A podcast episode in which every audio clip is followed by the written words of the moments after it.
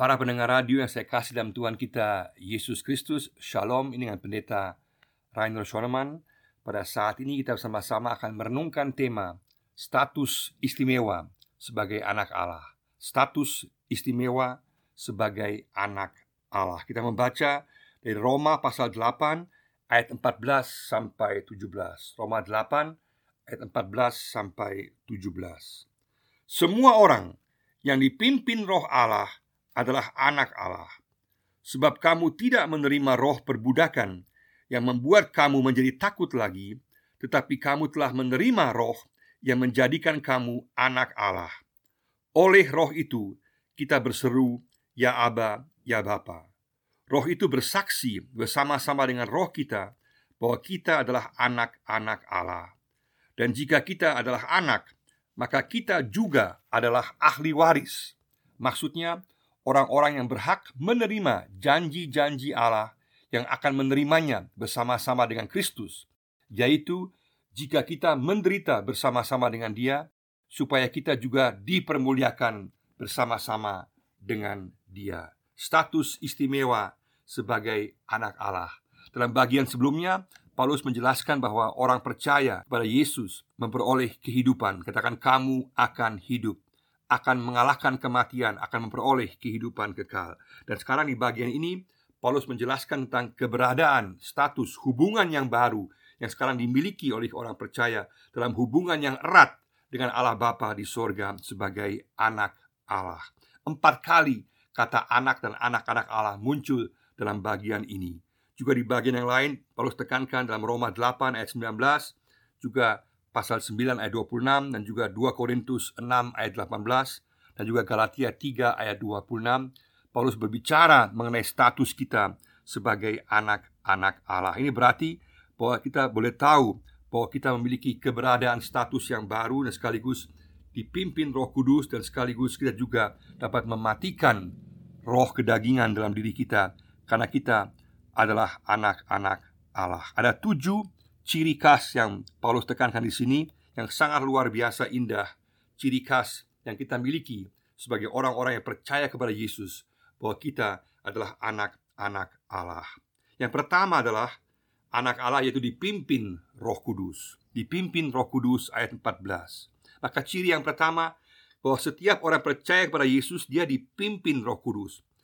Ini berarti bahwa dalam kehidupan sehari-harinya dia boleh tahu bahwa dia bukan sendiri, dia bukan ditinggal sendiri, tetapi Roh Kudus yang membimbing dia, yang menyertai dia, sehingga kita sebagai orang percaya boleh bergantung kepada hikmat kebijaksanaan daripada Roh Kudus dan bukan bergantung kepada kemampuan kita sendiri. Kita boleh sungguh-sungguh bergantung kepada hikmat Roh Kudus, pimpinan Roh Kudus, berseru kepada Roh Kudus agar Roh Kudus yang memimpin, menyertai dalam segala keputusan kehidupan kita, dalam segala situasi kehidupan kita, sehingga semua bagian kehidupan kita sungguh-sungguh dipimpin oleh Roh Kudus. Ini berarti juga orang percaya harus bersedia untuk dipimpin, membuka diri, mentaati Roh Kudus.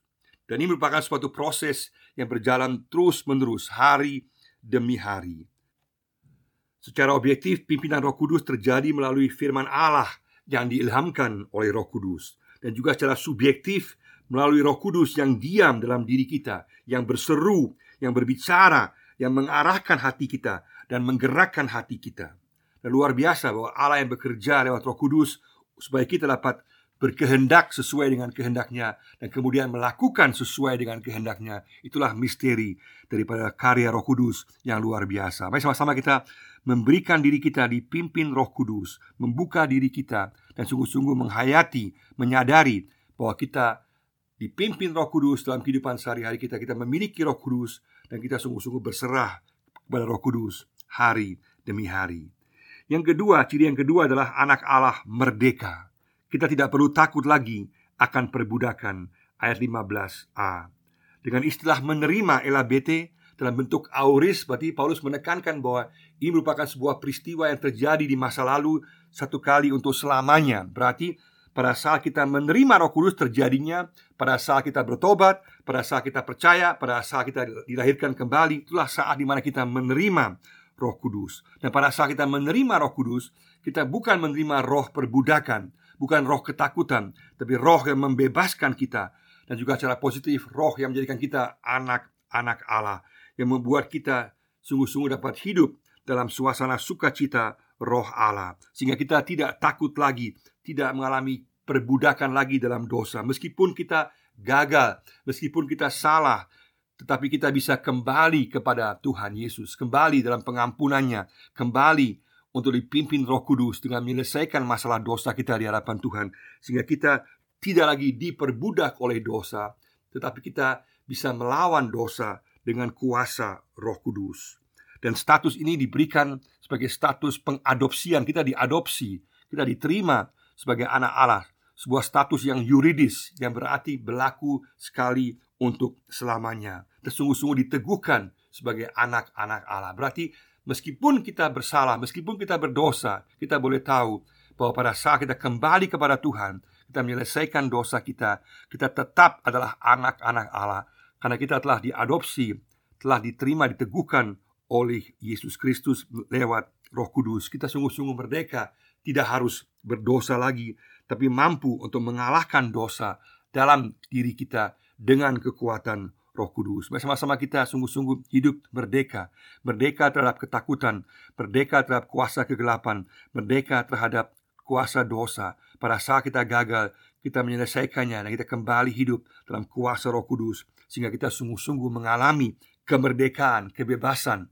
hidup dalam Kristus dengan sungguh-sungguh hidup menghidupi buah roh dalam kehidupan kita sehingga kita tahu kita tidak perlu takut lagi karena kita telah dimerdekakan oleh keputusan yuridis dari Allah sendiri bahwa kita adalah anak-anak Allah. Puji Tuhan, luar biasa.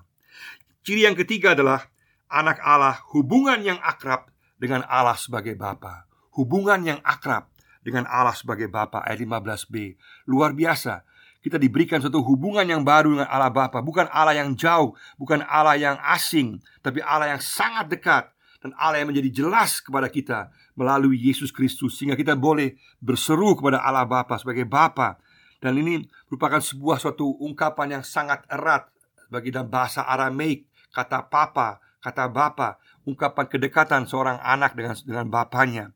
Dalam ini juga berarti ada hubungan yang penuh kasih, penuh keakraban. Dan konsep Allah sebagai Bapa ini merupakan hal yang Yesus nyatakan, Yesus jelaskan dan sungguh-sungguh bersifat revolusioner yang berbeda total bahwa dia mengatakan kepada para muridnya, kita boleh berdoa kepada Allah Bapa seperti seorang anak kepada meminta kepada bapaknya suatu praktek doa yang luar biasa dalam doa Bapa kami kita tahu Matius 6 dan juga Lukas 11. Sehingga semua kebutuhan kita, semua harapan kita, semua masalah kita, semua situasi yang kita sedang alami, kita boleh bawa, kita boleh letakkan dan boleh sampaikan kepada Allah Bapa yang sungguh-sungguh mengerti kita seperti seorang ayah, seorang bapa yang mendengar anaknya, yang peduli kepada anaknya. Demikian maka Allah yang kudus sekaligus juga adalah Allah yang penuh kasih yang boleh kita dekati sebagai Bapa. Dan itulah hak istimewa yang kita miliki sebagai anak Allah. Mari sama-sama kita sungguh-sungguh menghidupi kehidupan doa kita dengan Allah sebagai Bapa, membawa segala pergumulan kita di hadapan Tuhan, membawa segala masalah kita di hadapan Tuhan sebagai Allah Bapa kita yang peduli kita, yang penuh kasih kepada kita dan yang memperhatikan kita. Mari sama-sama kita sungguh-sungguh menghidupi hubungan yang sungguh-sungguh menghargai nilai yang luar biasa tinggi bahwa Allah adalah Bapa kita. Ciri yang keempat adalah anak Allah, Roh Kudus meyakinkan orang percaya. Ciri yang keempat dari anak Allah adalah Roh Kudus meyakinkan orang percaya ayat 16. Di tengah-tengah kehidupan kita, kita pasti akan mengalami juga keraguan akan status keberadaan kita sebagai anak Allah. Kita mulai bertanya-tanya, benarkah kita adalah anak Allah? Kita mulai ragu akan status istimewa kita sebagai anak Allah. Dan di tengah-tengah keraguan ini, Roh Kudus yang bekerja, Roh Kudus yang meyakinkan kita bahwa kita adalah anak-anak Allah, bahwa kita telah diadopsi sebagai anak Allah. Kita mempunyai hak istimewa yang permanen sebagai anak-anak Allah.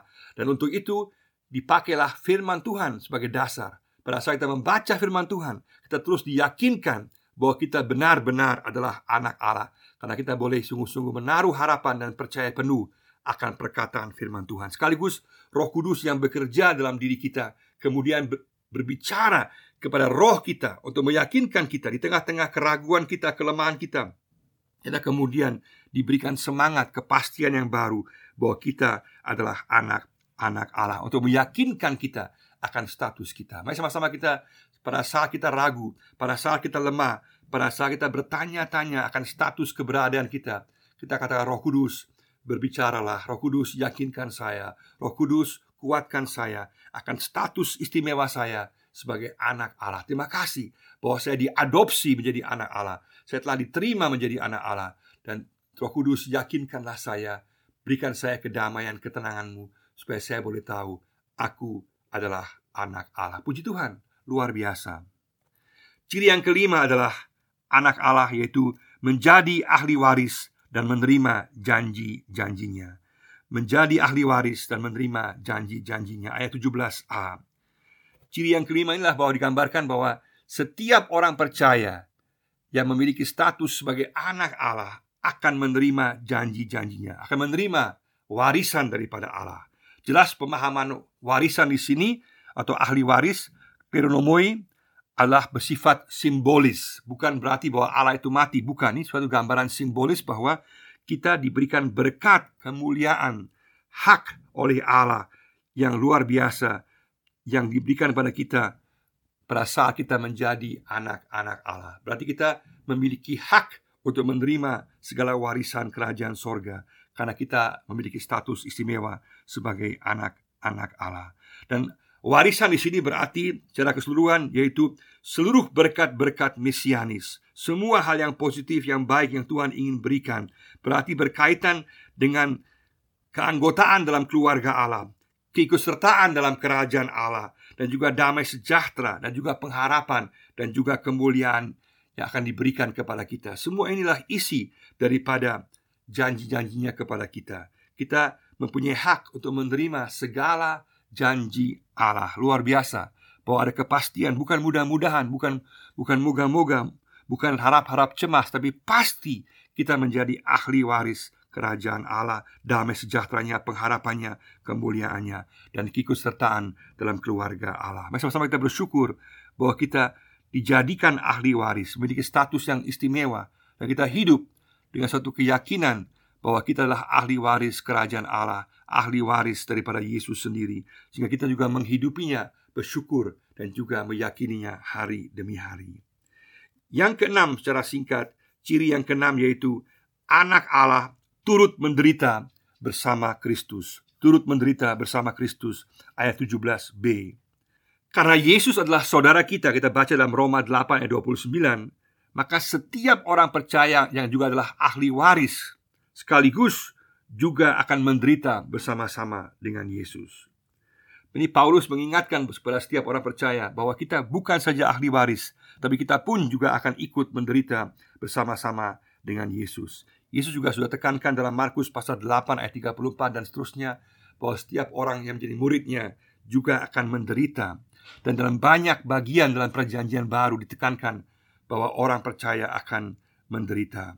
Maka kata di sini kata a, kata jika lebih baik diterjemahkan dengan kata karena atau sejak. Sejak kita menjadi ahli waris, menjadi anak Allah, kita pun juga akan mengalami penderitaan. Mau tidak mau, apa pun bentuk penderitaannya, orang percaya anak Allah juga akan mengalami penderitaan. Karena Yesus pun telah mengalami penderitaan dan kita pun juga akan mengalami penderitaan. Kita harus siap menghadapi penderitaan. Kita bukan saja menerima hak janji sebagai ahli waris. Sekaligus juga kita akan menderita bersama-sama dengan dia. Maka kita harus siap Jangan kaget pada saat kita mengalami penderitaan bersama-sama dengan Yesus Baik penderitaan umum dalam kehidupan sehari-hari kita Maupun juga penderitaan yang terjadi Karena kita percaya kepada Yesus. Dan yang terakhir Ciri yang ketujuh yaitu anak Allah Dipermuliakan bersama Kristus. Dipermuliakan bersama Kristus Ayat 17c luar biasa. Puncaknya adalah sebagai status yang baru yang kita miliki sebagai anak Allah, kita pasti akan dipermuliakan. Kita akan memperoleh kemuliaan yang sama bersama-sama dengan Yesus. Karena iman percaya kita, maka kita akan dipermuliakan bersama-sama dengan Yesus. Memang dalam Alkitab juga dikatakan bahwa mereka yang setia akan memperoleh kemuliaan secara khusus yang Tuhan akan berikan. Tetapi semua orang yang percaya, yang meyakini Kristus sebagai juru selamat, yang menyerahkan diri kepada Kristus, semua akan dipermuliakan. Sehingga dengan demikian kita boleh tahu hidup kita menuju kepada kemuliaan Allah. Kita bukan menuju kepada kematian yang gelap, tetapi kita menuju kepada kemuliaan Allah yang gilang gemilang yang luar biasa. Mari sama-sama kita hidup dalam suasana keyakinan kita saat ini telah dipermuliakan oleh Tuhan dan kita akan memperoleh kemuliaan kekal bersama-sama dengan Tuhan. Mari sama-sama kita sungguh-sungguh mensyukuri status kita yang luar biasa istimewa sebagai anak-anak Allah. Bahwa sungguh-sungguh kita boleh tahu bahwa kita dipimpin oleh Roh Kudus. Kita dimerdekakan. Kita memiliki hubungan yang akrab dengan Allah Bapa. Kita memiliki keyakinan bahwa Roh Kudus yang meyakinkan kita sebagai anak-anak Allah, bahwa kita menjadi ahli waris dan menerima janji-janji Tuhan, bahwa kita akan turut menderita bersama dengan Yesus, dan terakhir kita pasti akan dipermuliakan bersama-sama dengan Kristus. Mari sama-sama kita pada hari ini kita mensyukuri status istimewa kita sebagai anak-anak Allah. Katakan Tuhan, aku bersyukur Tuhan, Engkau menjadikan aku anakmu dan aku mau hidup sesuai dengan status saya sebagai anakmu. Aku mau memberikan diri saya dipimpin Roh Kudus. Aku mau hidup merdeka dari dosa, dari ketakutan, dari kuasa-kuasa kegelapan. Aku mau menyerahkan diriku kepadamu, dipimpin oleh Engkau, Roh Kudus, tiap-tiap hari. Aku sungguh-sungguh bersyukur atas keyakinan kepastian bahwa Roh Kudus memastikan bahwa aku adalah anak Allah. Aku mau sungguh-sungguh bersyukur atas hak istimewa, janji-janji, dan ahli waris kerajaan Allah yang kau berikan kepada saya. Aku juga siap untuk menderita bersama dengan engkau Dan puji Tuhan, aku bersyukur bahwa aku akan dipermuliakan bersama-sama dengan Yesus. Puji Tuhan, katakan Tuhan, aku bersyukur bahwa aku adalah anakmu. Kalau kita belum mengatakan, belum pernah sungguh-sungguh menyerahkan diri kita kepada Tuhan Katakan Tuhan, aku mau percaya pada Yesus Kristus. Aku mau menjadi anakmu. Aku mau memperoleh keselamatan daripada engkau bergantung kepada Engkau, menyerahkan hidup kepada Engkau. Aku sungguh-sungguh mau mengakui semua dosaku di hadapan Engkau dan aku mau mengatakan karena darahmu di kayu salib, aku ditebus, aku diselamatkan dan aku menjadi anakmu. Aku mau menerima Yesus Kristus, Roh Kudus dalam hidup saya, mau dipimpin dan menjadi anakmu dari saat ini dan kekal selama-lamanya. Tuhan memberkati kita semua. Amin.